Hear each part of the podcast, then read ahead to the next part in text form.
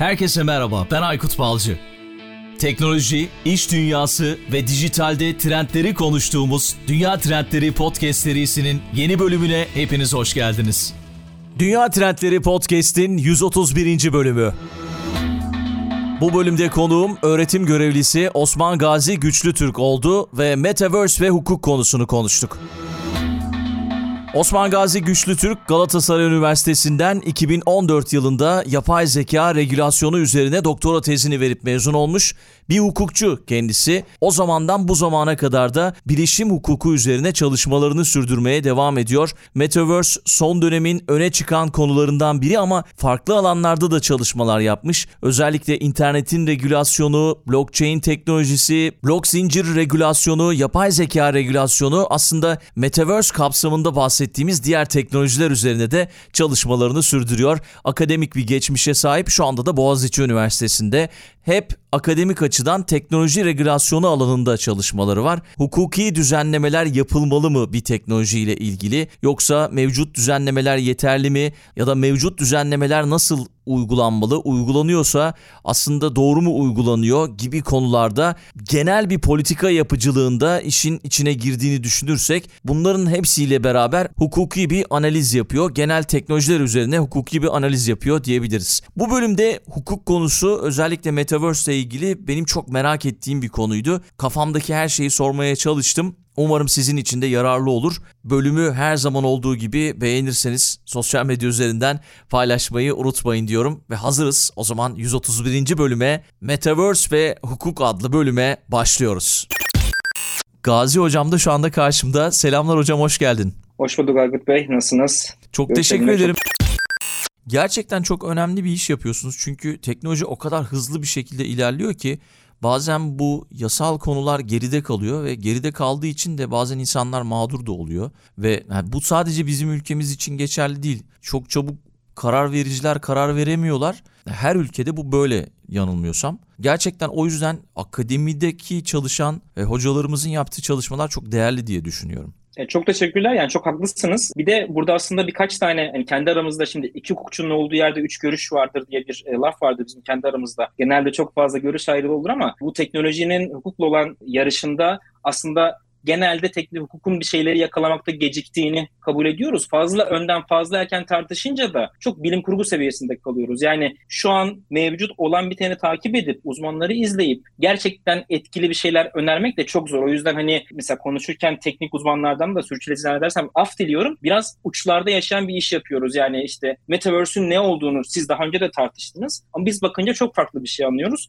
Umarım faydalı olur diyelim yani. Gerçekten normal günlük hayattaki dilden daha farklı bir anlayışımız var. Onun içerisinde bir çabalıyoruz bakalım. Umarım faydalı olur. Kesinlikle faydalı olacaktır. Çünkü Metaverse konusunu birkaç bölümdür işliyoruz biz. İşte pazarlama tarafında baktık. Hangi meslekler hayatımıza girecek? İşte Metaverse nedir diye konuştuk. Eğitim kısmını konuştuk. Ama işte yasal konularda çok çok önemli. Mesela önümüzde çok güzel bir örnek var. Kripto paralar mesela. Kripto paralar ülkemizde alınıyor, satılıyor ama bununla ilgili yasal düzenlemeler hala taslak halinde yanılmıyorsam ve işte bununla ilgili bir sürü mağduriyet oldu. Mesela burada biraz geç kalındı herhalde ama Metaverse'de biraz daha hızlı mı ilerliyoruz acaba? Yani haklısınız e, ve aslında burada yine bir şeyi vurgulamakta fayda var. Şimdi Metaverse'ün içerisinin, daha doğrusu Metaverse kavramından ne anlamamız gerektiğini biraz belli etmeden, yani Metaverse'ü tanımlamayı ben bir hukukçunun işi olarak görmüyorum. Ama biz bir hukuki düzenlemeden bahsediyorsak ya da hangi hukuk uygulanacak, acaba hukuk nasıl etki eder diyorsak en azından konuştuğumuz konuyu yani o hukukun konusunu bilmemiz lazım. Şimdi Metaverse deyince akla VR mı geliyor, AR mı geliyor? Yani bu alıştığımız iki boyutlu online etkileşimli sistemler mi geliyor? Web2 diye adlandırılan sistemlerin ne kadar yeri var? Bu ayrımı yapmazsak bunların hepsinin hukuki kısmı düzenlemesi farklı. Bu söylediğiniz yere de şuradan bağlayacağım. E şimdi biz Metaverse'ün özel bir grubunda yani en çok sansasyon yaratan aslında örneklerinde hep blockchain teknolojisinin de bir şekilde entegre geldiğini görüyoruz. E, en azından reklamlar bakımından. Tamam Meta'nınki biraz daha farklı olabilir ama sonuçta büyük platformların çoğunda böyle bir sistem var. NFT'lerle kripto varlıkların etkileşimi var. E siz zaten kripto varlıklara ilişkin rejimi düzeltmeden aslında Metaverse'ün üzerindeki Metaverse üzerine uygulanacak rejimi ne kadar net ortaya koyabilirsiniz soru işareti. Çünkü bütün en temel sorunlardan bir tanesi oradaki varlıklar, mülkiyet sorunu, kimin ne hakkı var bunların tespiti. Biz de kripto varlıklar üzerindeki bu sorunu çözemediysek, kripto varlıkların üzerinden yürüyen böyle yeni bir dijital ortamda bir de ekstra bir sürü yeni belirsizlikle onu ne kadar çözeriz? Soru işareti. Yani hızlı gidiyoruz derken tartışmalar hızlı ve güncel. Çünkü konu çok güncel. Ama aslında blok zinciri kripto varlıkları doldurmadan buraya geçmek biraz da tehlikeli. Çünkü o belirsizlikleri çok çözebilecekmişiz gibi gözükmüyor. Doğru. Web3 işte deniyor Metaverse. Web3 onun dışında blockchain, Metaverse'ün içerisinde var, NFT var, dijital paralar var. Yani bunların hepsini bir bütün olarak düşünmek gerekiyor. Ama başlangıçta işte blockchain'i Bitcoin'le özdeşleştiriyoruz ya da işte kripto paralarla özdeşleştiriyoruz ama onunla ilgili önümüzde bir yasal uygulama yok henüz. Tartışılıyor hala. Sizin de söylediğiniz gibi. Peki Metaverse ile devam edecek olursak bir takım fırsatlar doğuracak işte çekinceler de var. Yeni iş modellerini ortaya çıkaracak. Tabii bunları ancak tahmin edebiliyoruz. Biz de podcast'te tahmin ettik. Ve ortaya çıkabilecek yasal sorunlar neler? Gelecekte nasıl sorunlar yaşayabiliriz? Belki direkt bununla başlayabiliriz. Tabii yani zaten aslında en fazla tartışılan, en fazla merak edilen konulardan bir tanesi. Ben yine konuyu bir Metaverse nedir kısmından alacağım. Şimdi sizin de e, programınızda konuştuğunuz gibi aslında ne olduğunu tespit etmemiz çok zor. Ama ne olmadığına dair çok fazla fikir var. Metaverse nedir ne değildir diye konuşurken. Bu neden önemli? Çünkü aslında teknik uzmanların yani bunu nasıl ilgilendirdiği biz hukukçular için çok önemli değil. Buna Web3 diyebilirler, Web2 diyebilirler, e, Metaverse diyebilirler, dijital dünya diyebilirler. Çok önemli değil. Bizim için önemli olan şey şu.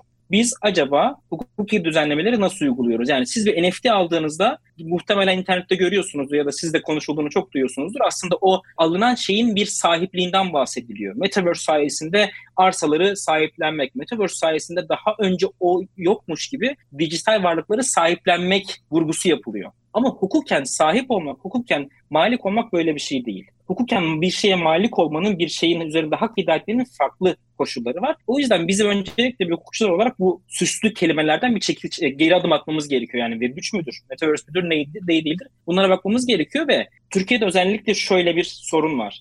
Bir teknoloji yeniyse sanki o teknolojiye uygulanacak hiçbir hukuki düzenleme yokmuş gibi davranılıyor ve hızlı bir şekilde alana giriliyor. Her şey serbestmiş gibi yapılıyor. Sonrasında ilk sorun çıktığında da devlet müdahaleye çağrılıyor. Aman işte sıkıntı çıktı, aman düzenleme yapalım, regülasyon yok mu, devlet yok mu? Ama hukuk böyle bir yapı değil aslında. Yani siz şu an hiç adı konulmamış bir sözleşme yapsanız bile tamam doğrudan onu düzenleyen bir kanun yoktur muhtemelen ama sonuçta bizim bunları düzenleyen genel düzenlemelerimiz var. Mesela borçlar kanunumuz var. Bütün sözleşmeler bunlara tabi. İşte haksız bir dediğimiz bir şey var. Aslında bir insana zarar verdiğinizde sizin aranızda sözleşme olması gerekmiyor. Çok yeni bir şey de olabilir. Buna tabi olabiliyorsunuz. Yani ilk bakacağımız şey aslında burada mevcut e, Metaverse'deki etkileşimlerin ne olduğu ve bunlarda mevcut hukuki düzenlemelerin etkisinin ne olduğu. E neler karşımıza çıkıyor? Çok bilindik en büyük balıktan başlayalım hatta tabi caizse. Çok ciddi bir mahremiyet ve kişisel verilerin korunması sorunumuz var. Evet. Biz zaten GDPR'ın gerisinden bir tık geldiğimiz söylenebilir. Onun da ne kadar uygulandığı tartışılır. Bizim de kişisel verilerin koruması kanunumuz var. Kişisel verilerin korumasına ilişkin özel düzenlemelerimiz var. Aktarımlar sınırlandırılmış durumda. İşte insanların bilgilendirilmesi gerekiyor. Kimileri uyuyor, kimileri uymuyor.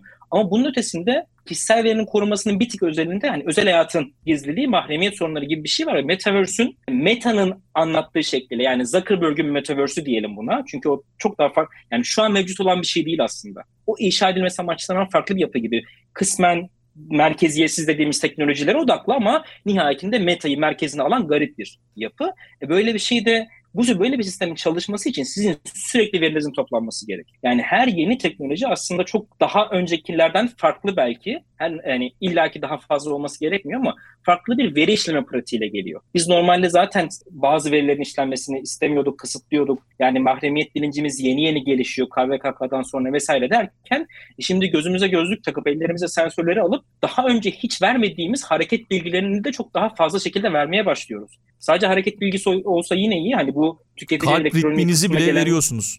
Kalp Aynen öyle yani çok fazla bilgi veriyoruz. Şimdi burada genel bir şeyi vardır. Davranışsal ifade vardır diyeyim. Teorisinin de bütün detaylarına hakim değilim ama kullanıcı kolaylık için güvenlikten vazgeçer derler pazarlamada. Yani siz kullanıcıya o güzel dünyayı verdiğinizde e, bak bunu yapabiliyorsun, bak yerinden kalkmadan Paris'e gidebiliyorsun, bak arkadaşınla konsere katılıyorsun dediğinizde onun heyecanıyla ya ben hangi verimi veriyorum? Ben burada neyimi kaybediyorum? Mahremiyetim ne kadar etkileniyor? Buna dikkat etmeyecektir. Yani sorun, mahremiyet sorunu evet bu bir. İkincisi Metaverse'deki mahremiyet algısının heyecana yenik düşmesi sıkıntısı var.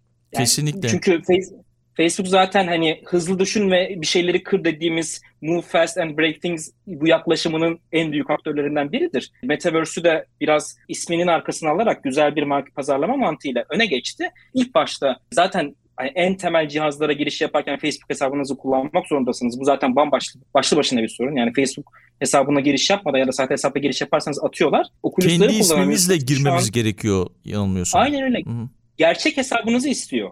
Ve hani o bunun olmadığını fark ederlerse hesabınızın işte engellenme ihtimalleri falan var. Sizi zorluyor. E orada daha henüz alan boşken, griyken muhtemelen topladıkları verilerle zaten işi çok farklı seviyeye taşıyacaklar ve biz mahremiyetin ne olduğunu anlayana kadar mahremiyetimizi kaybetmiş olacağız. Bu çok büyük bir risk bütün teknolojilerde. Web 3'ü tasarlayanlar Gavin Wood mesela işte onlar buna karşılar. Zaten Web 3'ün merkeziyetsiz olmasını istiyorlar ama burada gördüğümüz kadarıyla tabii herkes de şöyle algılıyor. Bir tane metaverse olacak. İşte o pazarlama konusunu çok başarılı yaptı Mark Zuckerberg.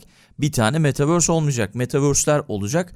Ama işte oradaki kontrol kimde olacak? Web3'ü savunanlar kontrolsüz olsun. Yani merkeziyetsiz bir yer olsun istiyorlar ama yine Mark Zuckerberg insanların Facebook'ta tıpkı verilerini sattığı gibi işte bizim hakkımızdaki bilgileri topladığı gibi burada da toplamaya devam edecek. Hem de fazlasını toplamaya devam edecek öyle anlıyorum. Yani bence de böyle ve bunu yapıyorlar. Mesela Oculus e, Quest 2 kullanmışsınızdır ya da görmüşsünüzdür belki.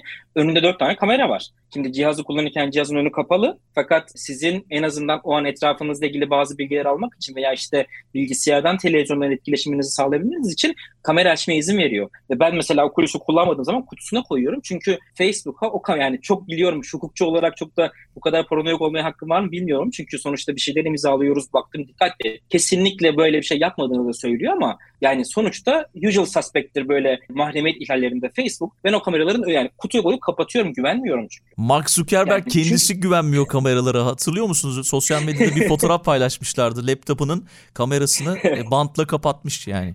Yani e, Black Mirror sağ olsun mesela çok mü- müthiş bir farkındalık yaratmıştı o bölümden sonra. Ben o sıralar işte üniversitede yüksek lisans yapıyorum. Ben hep hani şu anda da e, kameramda şey var böyle e, kay, kaydırıcı var kamerayı kapatmaya şey. Mesela o yayın, o bölüm yayınlandı. Bir baktım bir gün sonra herkesin kamerasında postitler, yeni sliderlar falan oluşmuş. Yani o farkındalık yaratmıştı ama buradaki durumu da illaki birinin sanırım sansasyonel şekilde ortaya koyması ya da şey yapması gerekecek. Yani e, bir sorun çıkması gerekecek. Bilmiyorum tam o kısmını ama şeye bağlarsam hani mesela Web3 dediniz, merkeziyetsizcilik dediniz. Şimdi orada zaten yine aynı yere geliyoruz. Yani Web3 süslü bir ifade. Web3'ün ne olduğunu açıkçası ben okuyorum. Şu anda da merkeziyetsiz teknolojiye geldi ama çıkışı bu değil. Web3'ü ilk başta semantik teknolojiler için kullanıyorlardı. Baktılar tutmadı. Merkeziyetsize geçtiler. O yüzden Web3 demeyelim de mesela blockchain teknolojisi diyelim. Onun üstüne gidip de metaverse demeyelim de blockchain teknolojisi üzerine kurulmuş dijital ortamlar diyelim. Çünkü metaverse deyince ikisi bir araya geliyor. Bu sefer bir tarafın e, mesela siz internete giriyorsunuz. Aslında o bahsettiğiniz ideal olan metaverse ile ilgili bilgileri okuyorsunuz. Ne olacak? Merkeziyetsiz olacak. Herkesin varlıkları üzerinde hakkı olacak. Verisi üzerinde daha büyük bir kontrol olacak. Diyorsunuz ki aa metaverse böyle güzel bir şey. E sonra siz Metaverse haberini bir de Facebook'ta okuyorsunuz ve eğer teknik konuda bilgi sahibi değilseniz ki yani tüketici bilinçlenmesi böyle alanlarda çok hızlı ilerlemiyor. Aa diyor ki o zaman Facebook'un kurduğu Metaverse'de böyle fırsatlar var. Halbuki yok. O yüzden kavramların kullanımı böyle yanlış etkileşimlere sebep oluyor. Bu da Facebook'un en büyük başarısı zaten. Marketing yani gerçekten günün sonunda. Ee, ama dikkatli olmak lazım. Hem kavramlarda hem işin geldiği yerde. Ben işin doğru bir şekilde gelişmeye gittiğini düşünmüyorum açıkçası. Kesinlikle. Ben de öyle. Yani özellikle şimdi mesela veri konusuyla başladık. Veri gizliliği konusuyla başladık. Orada işte hareketler ifadeler biyometrik veriler gözle izleme sizin de söylediğiniz gibi. İşte hatta beyin dalgaları falan da kontrol edilecek galiba. O da işin içine girecek. Yani müthiş bir orada bir veri toplanacak hepimiz hakkında yani ya da işte kullananlar hakkında. Bu ne gibi sorunlar yaratır bilmiyorum açıkçası yani gizlilik açısından çok ciddi sorunlar yaratıyor. Aslında daha sonra hani belki regülasyon diye ayrı bir en son bir konu açarsak diye düşünmüştüm ama mesela burada yeri gelmişken söyleyeyim. Bence çok büyük balıklardan bir tanesini gözden kaçırıyoruz aslında. Şu an bir ekonomi yaratıldı ve para önde gidiyor. E çok yani ve çok fahiş rakamlarla alım satımlar yapılıyor. Çok mantıklı da değil. Acaba bu değer nereden oluşuyor, nereden saklanıyor görebiliyor da değilim. Çok ciddi balonlar oluşuyor gibi. Bunun arkasında şeyler gözden kaçtı. Metaverse ortamına girdiğinizde psikolojik bazı semptomlara, bazı testlere giriyorsunuz. Mesela Phantom Sense dediğimiz hayalet duyu dediğimiz bir deneyden bahsediliyor. Çok farklı gerçek bilimsel dayanakları var gibi ama yani beynin algılama şekli çok farklı. Ben şimdi mesela Quest 2 ile birkaç tane şeye girdim çıktım. Gözlüğün verdiği rahatsızlık ya da piksel gibi şeylerle çok gerçekliğe giriyormuş gibi hissetmedim. Ama sonra bir tenis oyunu açtım. Bir orada bir şey var. Ya oynadım biraz oynadıktan sonra bir anda elimdeki kullanıcıları yani sanal masanın üstüne bırakmaya çalıştım. Bir Evet. anda kafa oraya gitti. Yani beynin reaksiyonlarıyla ve verdiği tepkilerle bir şekilde dalga geçiyor. Bir şekilde onlarla oynuyor. E bunu ne kadar yapıyor? Uzun vadede etkisini bilmiyoruz. Bu kadar yoğun reklamının yapılması, bu kadar teşvik edilmesi, öne çıkarılması doğru mu? Yani ya da şöyle düşünelim. Kendi kişiliğiyle ilgili, kendi benliğiyle ilgili bazı beğenmediği noktalar olan yani depresyon ya da benzeri eğilim benzeri rahatsızlıklara eğilim olan insanların mesela tamamen gerçeklikten kaçma aracı olarak kullanma ihtimalleri var. Böyle şeyleri düşünüyor muyuz gerçekten? Orada gördüğünüz korkunç bir görüntünün travmaya sebep olma ihtimali var. Bunlar gözden kaçıyor çünkü şu an ortada daha ziyade çok büyük bir hype ve çok ticari kısımlar var ve hukuk buralarda çok önemli oluyor. Çünkü burada siz hukuki müdahaleyi yapmazsanız tüketicileri korumazlar. Bu Ben- platformlar daha ziyade ticarileştirir. Ben şöyle düşünüyorum. Gerçek hayatı bırakıp orada yaşamak isteyecek olanlar bile olabilir. Ben burada daha keyifliyim deyip orada yaşar yani. Oralarda yaşar ya da orası demeyelim, tek bir yer demeyelim. Öyle tahmin ediyorum açıkçası. Olabilir. Hani ben kendim yapmam diyorum ama yapmam yapma, yapmayız dediğimiz neleri yaptık teknoloji yüzünden. O yüzden bir şey de diyemiyorum gerçekten. Ve bu hukukun tek başına göre yürüteceği bir şey değil ama hukuk burada çok etkili olacak. Çünkü insanlara rağmen insanı korumanın bir aracıdır bu. Yani bir insan her şeyini vermek isteyebilir ama hukuk der ki dur yapamazsın. Hani organları satmak gibi bir şey ya da hayatından vazgeçmek gibi bir şey. Belki de bu kadar kritik hukukçuların çok temel tartışmanın olduğu konulara da geleceğiz. Yani iş şu an hep maddi tarafında ama orası daha başka bir alan, başka bir sıkıntı. Kesinlikle ya sosyal medyaya da uzun süre direnenler oldu. Ben de direndim, açmadım ama bir baktım bir anda açmışım. Yani işte orada da epey bir vakit harcıyoruz gerçekten. Böyle bir şey olduğunda da buralarda da vakit harcayacağız. Gireceğiz, girmeyeceğiz tartışılır. Peki şeyle devam etsek fikri mülkiyet konusu da yaygın ve önemli bir tartışma konusu. Evet Burada e, ve bizi neler bekliyor? açıkçası e, burada da gerçekten çok ciddi bir yanılgı diyelim. Yanılgı var. Yani siz bir şey yaptınız ve bunu bir tokenlaştırdınız. E, yani işte kripto varlık haline dönüştürdünüz. Token coin adına dediğiniz çok önemli değil. Siz sadece bunu yapıp bunu devrederek aslında onun üzerindeki hakları devretmiş olmuyorsunuz. Şimdi mevcut fikri mülkiyet rejimimiz dünyadan çok farklı değil. Yani belli farklılıkları var evet. Ama sonuçta modern diyebileceğimiz fikri mülkiyet rejiminin çok büyük bir kısmı aslında uluslararası anlaşmalara dayanıyor. Bunlar 1950'lerden 60'lardan kalma ve ye- yenilenmiş de durumda. Fakat direkt ben size Türkiye açısından bir örnek vereyim. Mesela bir ürün, bir eser üzerindeki hakların devri için yazılı bir sözleşmeye ihtiyacınız var. Ve bunu Kesinlikle. kanun söylüyor. E şimdi siz bunu yapmadan sadece e, ben böyle bir şey yaptım ve bunu size veriyorum dediğinizde aslında hakları devretmiş olmuyorsunuz. Ha, orada bir centilmenlik anlaşması olabilir. Satan kişi, yani tırnak içerisinde bir eseri satan kişi, bir de onun takibini yapmayacak olabilir. Onu alan kişiye istediği kadar hak veriyor olabilir ama tam tersini de yapabilir. Alan kişinin Evet. bu konuda hukuki bir güvencesi olmayabilir. Daha da sıkıntısı örneklerini gördük ve şu an davalar açıldı. Bakalım nerelere gidecek. E siz NFT haline getirilen, tokenlaştırılan içeriklerin gerçekten hak sahibi tarafından yapıldığını bilmiyorsunuz. Adam Evet. kendisine ait olmayan bir şeyi tokenlaştırmış ve koymuş. E bu satılmış sonra dava alıyorsunuz. Sonra davayla karşı karşıya kalıyorsunuz. Normalde siz bir sözleşme yapıyorsanız şöyle bir taahhüt koyarsınız onun içine. Bana sattığın ya da bana haklarını devrettiğin eserin üçüncü bir kişinin haklarını ihlal et- etmediğine dair bir garanti alırsınız. Çok standart bir sözleşme maddesidir. E siz bunu alamıyorsunuz geçerli bir şekilde. Ve siz bir heyecanla bunu almazsanız iki gün sonra başınız belaya girecek.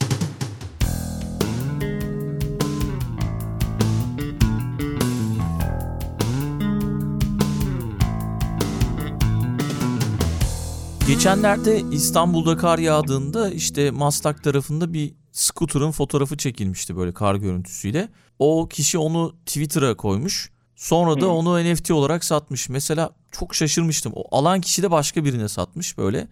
İşte 1-2 bin dolar paraya satılmış yani o şey NFT olarak. Mesela orada o fotoğrafı Twitter'da paylaşmıştı. O fotoğrafı başka biri alıp başkası NFT olarak da satabilirdi. Karşı tarafta hiçbir şey hak iddia edemezdi yani. Mesela bu bana Evet, çok şey gelmişti. bu- Bunların örneklerini gördük. Zaten asıl yani NFT'lerin bu kadar aslında gündemi meşgul etmesindeki bir sebep de bu oldu. Mesela tweet satıldı ya da resim satıldı. İnsanlar dedi ki iyi de ben bunu niye alıyorum? Çünkü zaten ben bunu kopyalayıp kullanabiliyorum. Evet. Twitter zaten yani kamuya açık bir şey. Ben bunu başka yerde de kullanabiliyorum. Bir de mesela fikri mülkiyet hukukunun istisnaları vardır. Yani her türlü kullanımda izin almanız gerekmez. Hani bu kapsamlarda kullanabileceğiniz bir şey var. O zaman zaten isteyen hukuka uygun şekilde veya hukuka aykırı şekilde kontrolü çok zor zaten. Bunu istediği gibi kopyalayacaksa ben bunu neden alıyorum? Yani aslında bir hak devri modeli değil de bir koleksiyon, bir online şov yapma modeli NFT'ler. Bakın ben buna sahibim demenin bir şekli. Ama sizin ona sahip olmanızın diğer insanların kullanımını engellemesi hem hukukken şu an çok mümkün gözükmüyor. Bazı şeylerin değişmesi gerekecek. Bunu yapan birkaç mekanizma var. Bunu yapsanız bile insanların bu kurallara uygun davranmasını sağlayamazsınız. Yani sonuçta korsan müzik dinlemek, korsan film izlemek de yasak. Ama kontrolü ne kadar yapabiliyoruz? Zaten dijital dünya çok vahşi batı gibi ilerleyen bir şey. Oradaki hak rejimleri çok sıkıntılı ve bu kontroller yapılmıyor dediğiniz gibi. Yani yapmak da çok zor. Açıkçası istenir mi, istenmez mi onu da bilemiyorum. Çünkü çok ciddi, çok katı bir kontrol koyarsanız da bu sefer iş internetteki veri aktarımını engellemeye hatta biraz daha zorlarsak resimler bazında değil ama diyelim ki içerikler, makaleler, haberler, tweetler bakımında ifade özgürlüğüne falan gidecek. Yani hukuk buralarla çok iyi baş edemiyor şu an. Çok farklı Evet. incelemeler yapmak gerekecek. Yani fikri mülkiyet haklarını ihlal eden kullanıcılara karşı yasal işlem yapılıp yapılmayacağı konusunda şu anda muğlak yani. hukuki olarak agar araçlarınız var. Eğer siz hak sahibiyseniz ve sizin eser sahibi, yani sizin üzerinizde e, hak sahibi olduğunuz bir eser, teknik adıyla eser diyoruz biz bunlara. Eğer ba- izinsiz kullanılıyorsa, bundan kazançlar elde ediliyorsa vurabileceği, başvurabileceğiniz mekanizmalar var da siz o kişiyi nereden bulacaksınız? Kim bilir dünyanın neresinden o adam aldı. İşte E evet. şimdi Türkiye'den biri değil. Kimliğini biliyor musunuz? O bile sıkıntı. Çünkü yani merkeziyetsiz sistemlerin en büyük sorunlarından bir tanesi kimlik kontrolleri yok. Yani olan mekanizmalar da çok tercih edilmiyor. Çünkü kimlik mekanizmalarının olmaması, riskin fazla olması, getirinde fazla olması demek. E şu an zaten getiri odaklı yürüyor sistem. Kimse kimliğini çok kolay kolay ele vermek istemiyor. Eğer kurumsal bir oyuncu değilse. Yani ismini ortaya koyması ek kazanç getirmeyecekse kimse bunu istemeyecek. Acaba E, Facebook'un Gidin de daha gidin de dava açın yani kolaysa. acaba Facebook'un gerçek ismiyle kullanıcıların orada yer almasını istemesi yasal konular da olabilir mi? Şu an düşündüm mesela. Yani öyle bir sorun olduğunda hani mesela işte şeyde duymuşsunuzdur. Horizon Worlds'ün içerisinde bir kadın kullanıcı, demoya katılan bir kullanıcı sanal tacize hatta Evet. kendi tabiriyle gang rape'e maruz kaldığını söyledi. Doğru. ben yani onun avatarına ne yaptılar da bunun gang rape olduğunu düşünüyor çok anlayabiliyor değilim. Çünkü glitch oluşmuş üstüne çıkmış da olabilir avatar iç içe geçmiş de olabilir. Orada söylenmiş şey, şeyler de var yani sözlü taciz de var görüyorum farkındayım ama o kısmı zaten ayrı düşünüyorum. Ama mesela böyle aksiyonlarda dediğiniz doğru. Mümkün olabilir. Fakat mesela diyelim ki böyle şeyleri engellemek istiyor Facebook. Doğrudan insanları takip etme eğilimine girmek yerine şöyle şeyler yapsın. Özellikle işte ben şu kişilerden mesaj almayı kapatmak istiyorum. Bu kişilerin avatarlarımı görmesini engellemek istiyorum. Sonuçta bu adamların yani en gelişmiş olmasa da gayet gelişmiş bazı NLP uygulamaları var. Küfür nedir, hakaret nedir, kötü içerik nedir bunları az çok ayırabiliyor. Ben bunları duymak, görmek istemiyorum gibi yerli araçlar da kullanabilirler. Yani sanki normalde başka bir şirket yapıyorsa, startup yapıyorsa, devlet yapıyor olsa şüpheden onu yararlandırırdım. Ama Facebook biraz olan şüphelimiz olduğu için daha kötüye yoruyor. Evet. Gerçek kimlikle bağlantılandırmanın altında ben profilleme amacı arıyorum aslında. Doğru doğru. Yani ben şimdi iyi niyetli düşündüm de doğru. Aslında orada e, Facebook'un yapmak istediği farklı bir şey var. Bir de çok fazla böyle işte internette, Twitter'da, Space'te farklı yerlerde olan konuşmalara denk geldim. Orada kara para aklama konusunda da çok fazla böyle şey çıktı karşıma. Tartışma çıktı. E, bu konuda ne gibi gelişmeler var?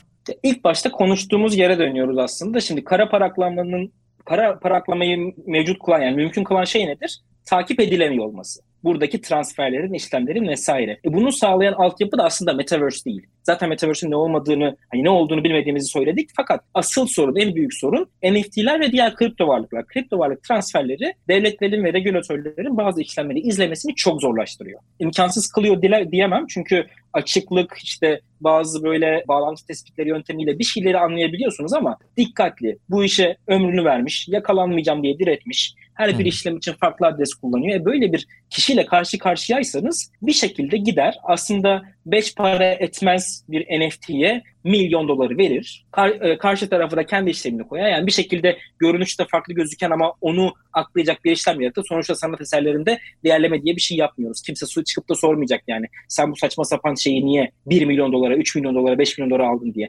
E burada bakın ben işte NFT'mi sattım ve bu artık benim gelirim dediğiniz yasallaşmış bir para oldu. Yani fiilen bunu da sağlıyor olabilirsiniz. İki, böyle bir dalavereye dahi gerek kalmaksızın tabiri caizse kripto varlık işlemleri üzerinden yani çok fazla aracı koyup bir sürü işlem yapıp nihayetinde bir kripto varlık borsasından sisteme de sokabilirsiniz. Aslında buradaki kara para naklanması sorunları en temelde kripto varlıklara dayanıyor. Ve o sorunu çözmek şu aşamada çok mümkün değil gerçekten. Bu arada geçtiğimiz günlerde bir istatistik gözüme çarptı. Normal fiziksel sanat endüstrisi 2020 yılında 50 milyar dolarlık bir pazara hakimmiş. 2021 yılında NFT pazarı 40 milyar dolar olmuş. yani inanılmaz hani bu kadar yani buna ilgi var bu arada. Bu bir balon mu bu arada? Bunu da çok merak ediyorum. Hani gerçek sanat eserleri alanlar da hani yaşlarının biraz daha yüksek olduğunu düşünüyorum. Daha çok NFT'yi alanlar da biraz daha genç olduğunu tahmin ediyorum sadece. Sadece tahmin. Belki öyle de olmayabilir. Bana çok ilginç gelmişti açıkçası yani. Evet gerçekten de ilginç bu arada yani bir anda hani kripto varlıkların başında da bunu görmüştük. Geleneksel yöntemlerin gör, göstermediği e, miktarlarda işlemler görüyorduk. Yani bu akıllı sözleşmelerin ilk çıkışında işte 2016'daki DAO olayında aslında o döneme kadarki en yüksek kitlesel fonlama faaliyetini gördük. Bir anda bütün dünyadan giriştiler ve sonra bu rekor sonraki blockchain projelerinde o kadar seri şekilde kırıldı ki yani bu kitlesel bir şekilde paylaşım ve kaynakların bir araya getirilmesi, toplanması olayını çok kolaylaştırdı kripto varlıklar. Onun sorununu yaşıyoruz. Ha şunu da söyleyeyim bu arada sıkıntı olmasın. Yani burada hani bu iş çok kolaymış işte transferleri kimse takip etmiyormuş gibi düşünülmesin. Türkiye'de kripto varlıkların transferlerini MASAK, Mali Suçlar e, Araştırma Kurulu inceliyor ve mesela Türkiye'deki kripto varlık borsaları da bu kurallara uymaya özen gösteriyor. Yani siz bir şekilde bu işlemleri yaptınız sonra müthiş bir para geçti elinize. Bunu Türkiye'deki borsaya aktarırsanız size şöyle şeyler gelecek. Evet böyle bir işlem tespit ettik. Bize bu işlemin kaynağını, gelirinizi, faaliyetinizi bu konuda bilgi isteyecekler sizden. Ama bunu daha sofistike şekilde yapan insanlar olduğu için de altını doldurup her şeyi kontrol etmek çok kolay değil. Yani bireysel kullanıcılar takip ediliyor. Özellikle 3-5 defa yapıyorlarsa miktarlar bakımından çok yasalsa bile takip ediliyor. Asıl sorun büyük balıklarda onları takip edemiyoruz sanırım. Çünkü çok offshore üzerinden şirket kurup sanki şirketin ödeneğiymiş gibi gönderiyorlar. E bir yerde tıkanıyorsunuz yani. Evet. Peki mülkün mülkiyetinden biraz bahsetsek. Mesela geçen yılın sonlarında Nike Metaverse'e girişini hızlandırmak için 7 tane ticari marka başvurusunda bulunmuş.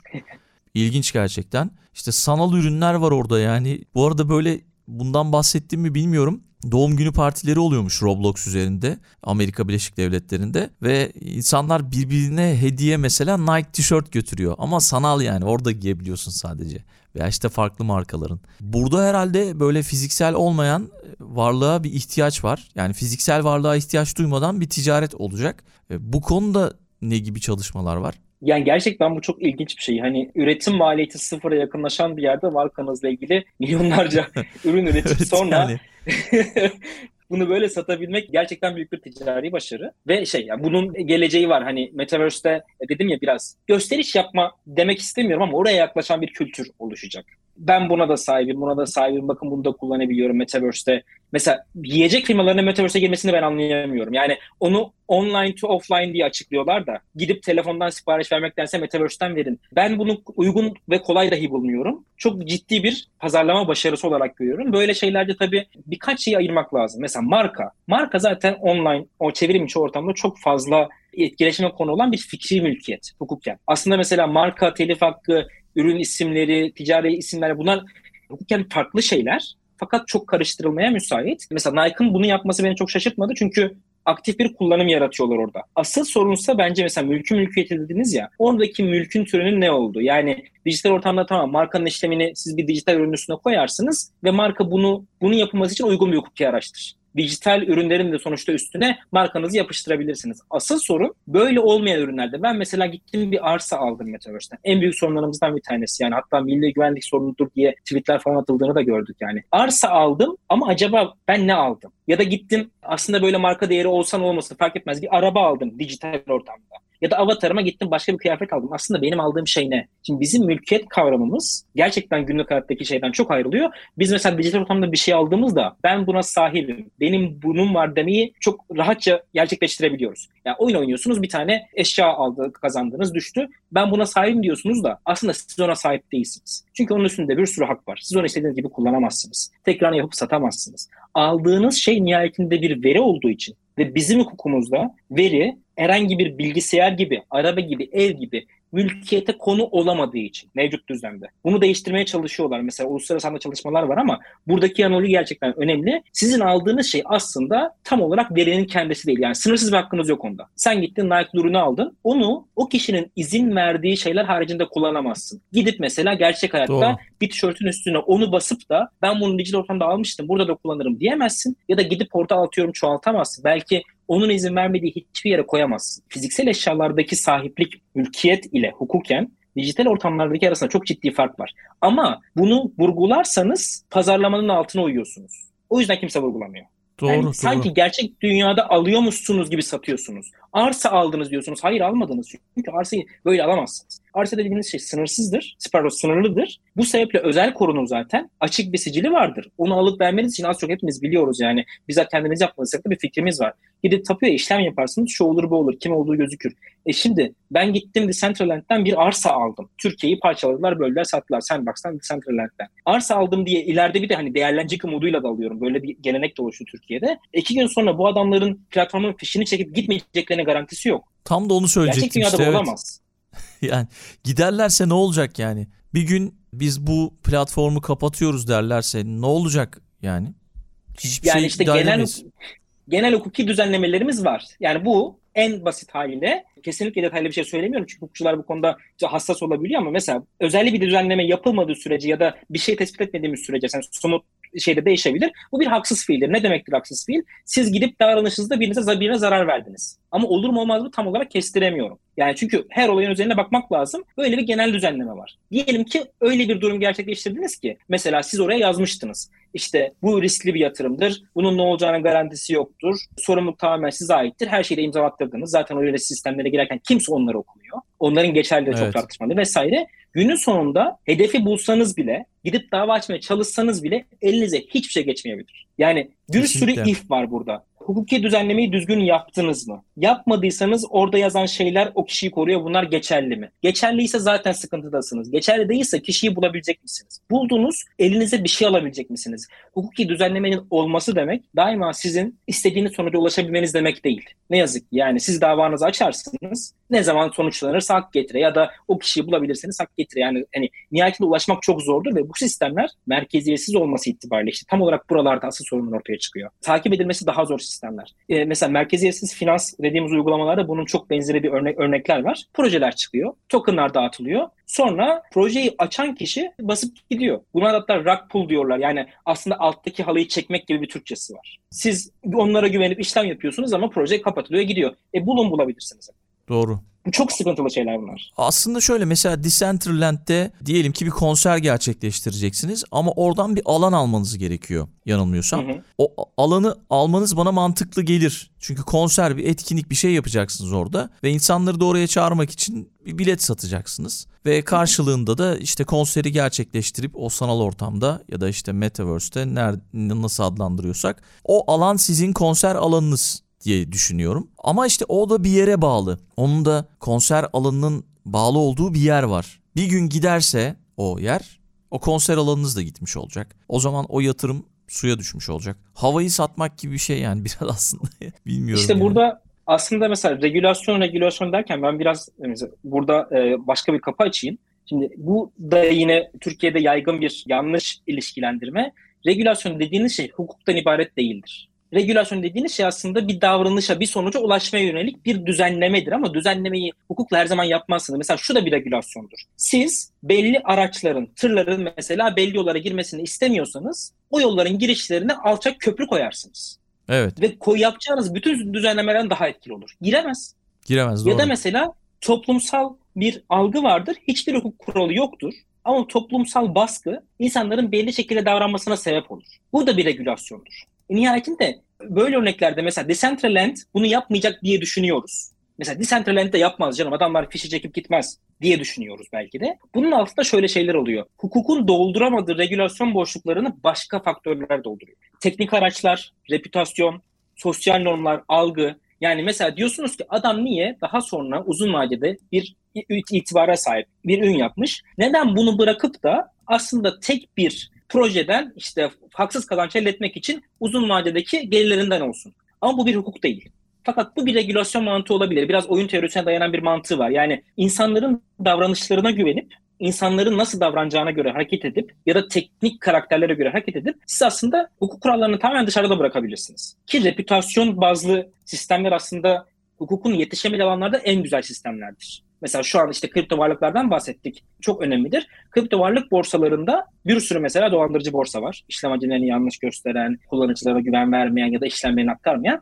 İnsanlar neye göre gidiyorlar? Reputasyona göre gidiyorlar. İşte mesela yani biraz, buyurun. geçtiğimiz günlerde yine bir haberlerde okudum. İsmini vermeyelim şimdi. Bir tane borsaya mesela Türkiye'den girilemiyor. İşte savaş nedeniyle diye tahmin ediyorum. Hı hı. E şimdi ne oldu? Oraya girilemeyecek mi bir, bir daha? Kapandı mı orası? Gitti mi?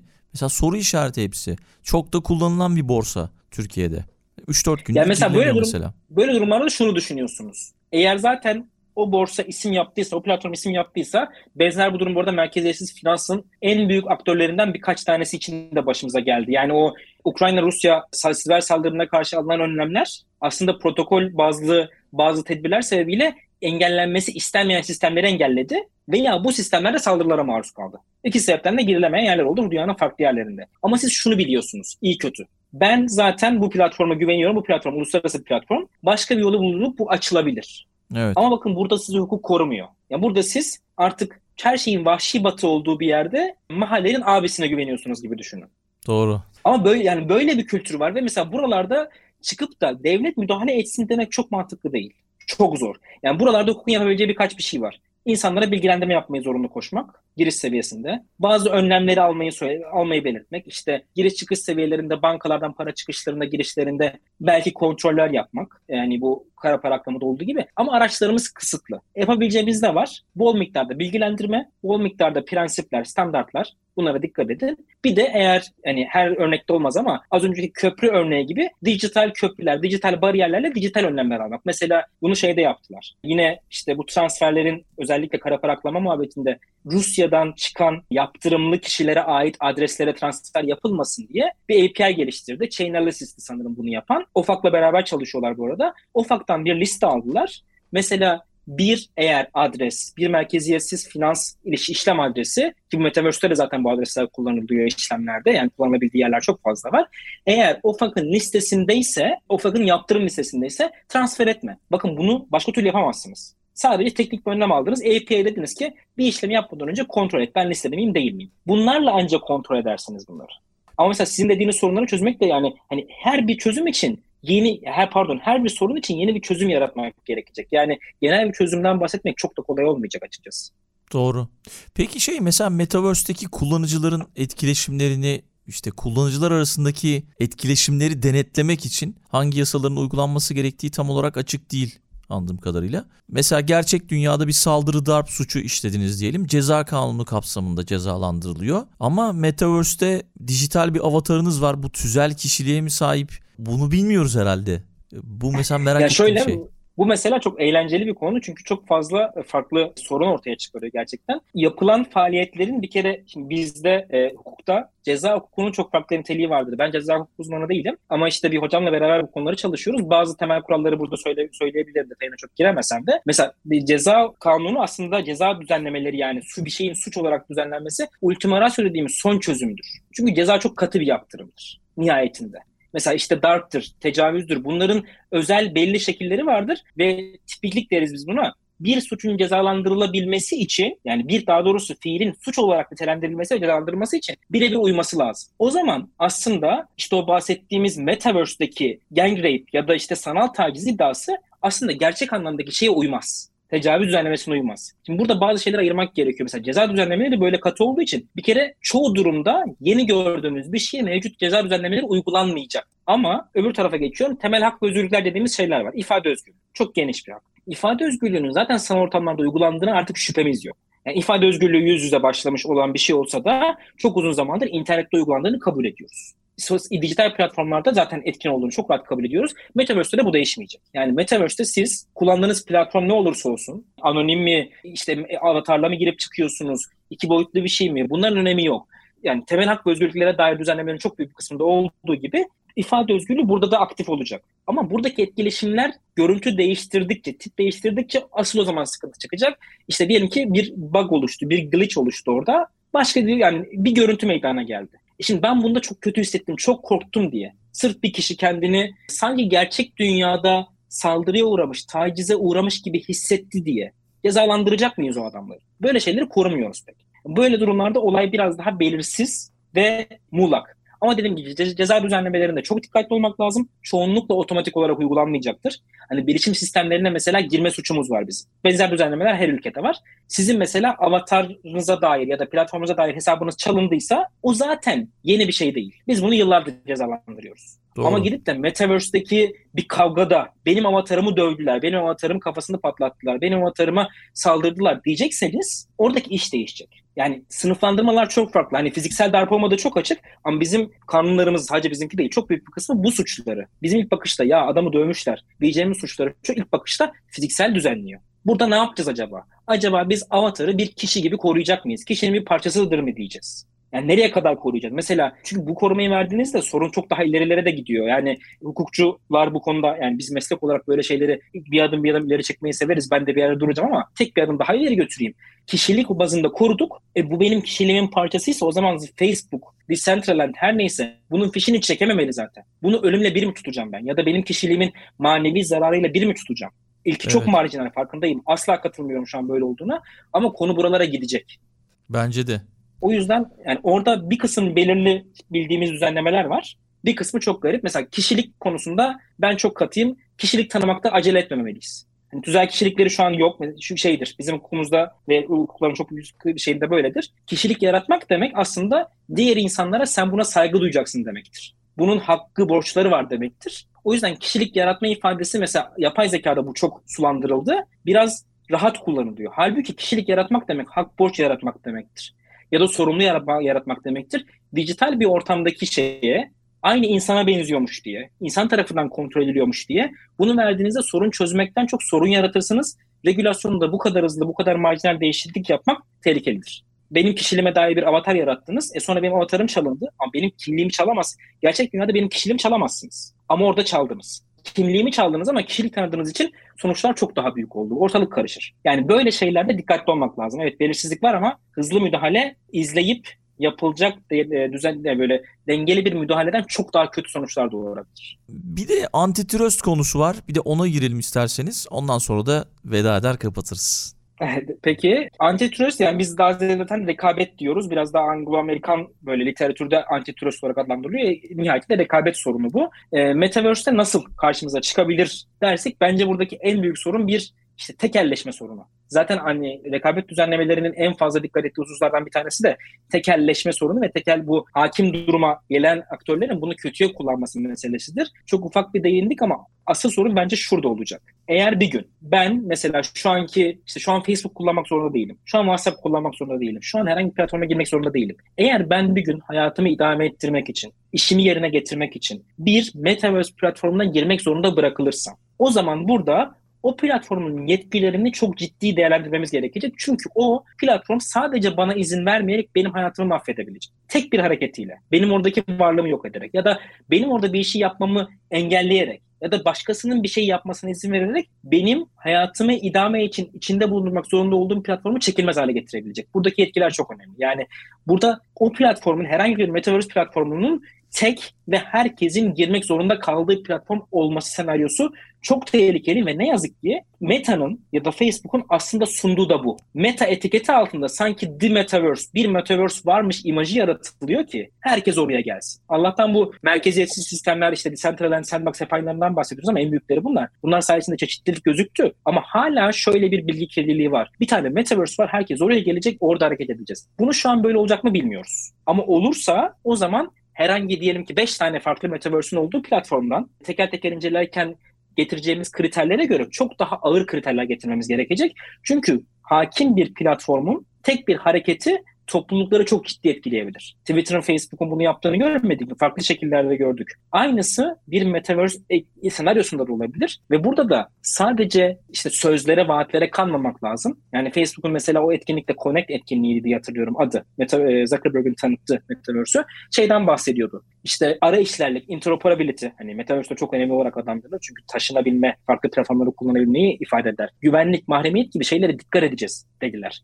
E siz zaten yıllardır Web2'nin e, yani Web2 olarak adlandırılan, kendim bunu kullanmış oldum ama adlandırılan sistemin en ana aktörlerinden birisiniz. Bunları yapma şansınız vardı. Orada yapamadınız. Burada yapacağınızın garantisine. Böyle bir konuma gelirseniz meta olarak yani tekel herkesin girmek zorunda kalacağı bir konuma gelirseniz sizi nasıl kontrol edeceğiz? Bunun cevabını bilmiyoruz. Çünkü hala tam olarak edemedik. 5000 tane davası açıldı. Çok farklı yerlerden, kişisel verisinden tutun da, marketinginden tutun da defalarca davalar açıldı ve kontrol edemedik. Çünkü oradaki güç, dijital platformun gücü henüz hukuki sistemler tarafından etkin şekilde kontrol edilemedi. Evet böyle bazen işte biraz kıstık, izin vermedik, bazı konularda denetim getirdik ama teknolojiyi yaratan, dolayısıyla sınırlarını çok daha iyi bilen aktörler olarak hep bir adım öndeki. Rekabet tam olarak burada sıkıntı yaratacak. O kişinin yani o platformun tekelleşmesinin bence önüne geçilmesi lazım. Bence o senaryonun kimseye faydası yok. Birden fazla metaverse'ün bulunduğu ve her birinin farklı bir işlem yaptığı yerlerde bunların her biri bir Second Life, bir Sims,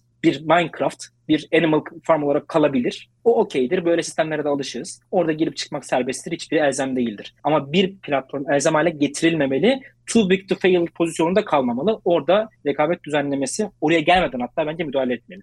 Ready Player One'da da Oasis'e isyan bu yüzden çıkmıştı zaten. O filmi izleyenler çok sık bahsettik. Eminim herkes izlemiştir. Peki hocam çok çok teşekkürler. Güzel bir bölüm oldu.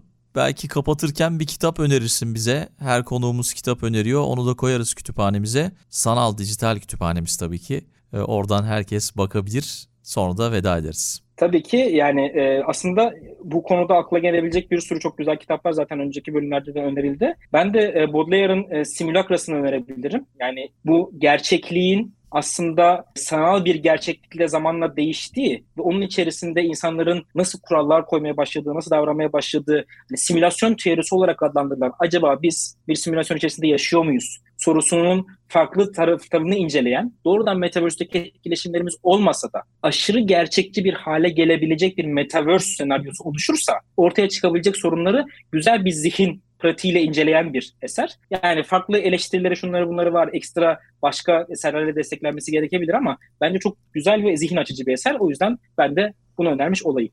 Süper bunu da ekledik o zaman. Hocam çok çok teşekkürler tekrar. Çok sağ ol. Harika bilgiler oldu. Yine verimli bir bölüme imza attık. Ben çok teşekkür ederim davet için. Kolaylıklar dilerim. Çok güzel zaten bir etkinlik serisi oluyor. Ben de yani hem Metaverse serisinin öncekine sonra devamındaki bölümleri merakla bekliyor olacağım. Kolaylıklar dilerim. Tekrar görüşmek üzere. Veda etmeden önce Patreon destekçilerimize teşekkür edelim. Recep Topçu, Serdar Sungur, Onur Atakan, Nilay Atalay, Kübra Karaman, Necdet Dikmen, Birol İnci ve Ahmet Uçar'a sonsuz teşekkürler. Dünya Trendleri Podcast serisinin bu bölümünün sonuna geldik. www.dünyatrendleri.com Twitter'da @dünyatrendleri, Instagram'da dünya.trendleri adreslerinden Dünya Trendleri Podcast'i takip edebilirsiniz. Unutmayın önerileriniz ve merak ettikleriniz içinse info gmail.com adresinden mail atabilirsiniz. Bu bölümü dinlediğiniz için çok teşekkürler. Yeni bölümde tekrar buluşmak üzere.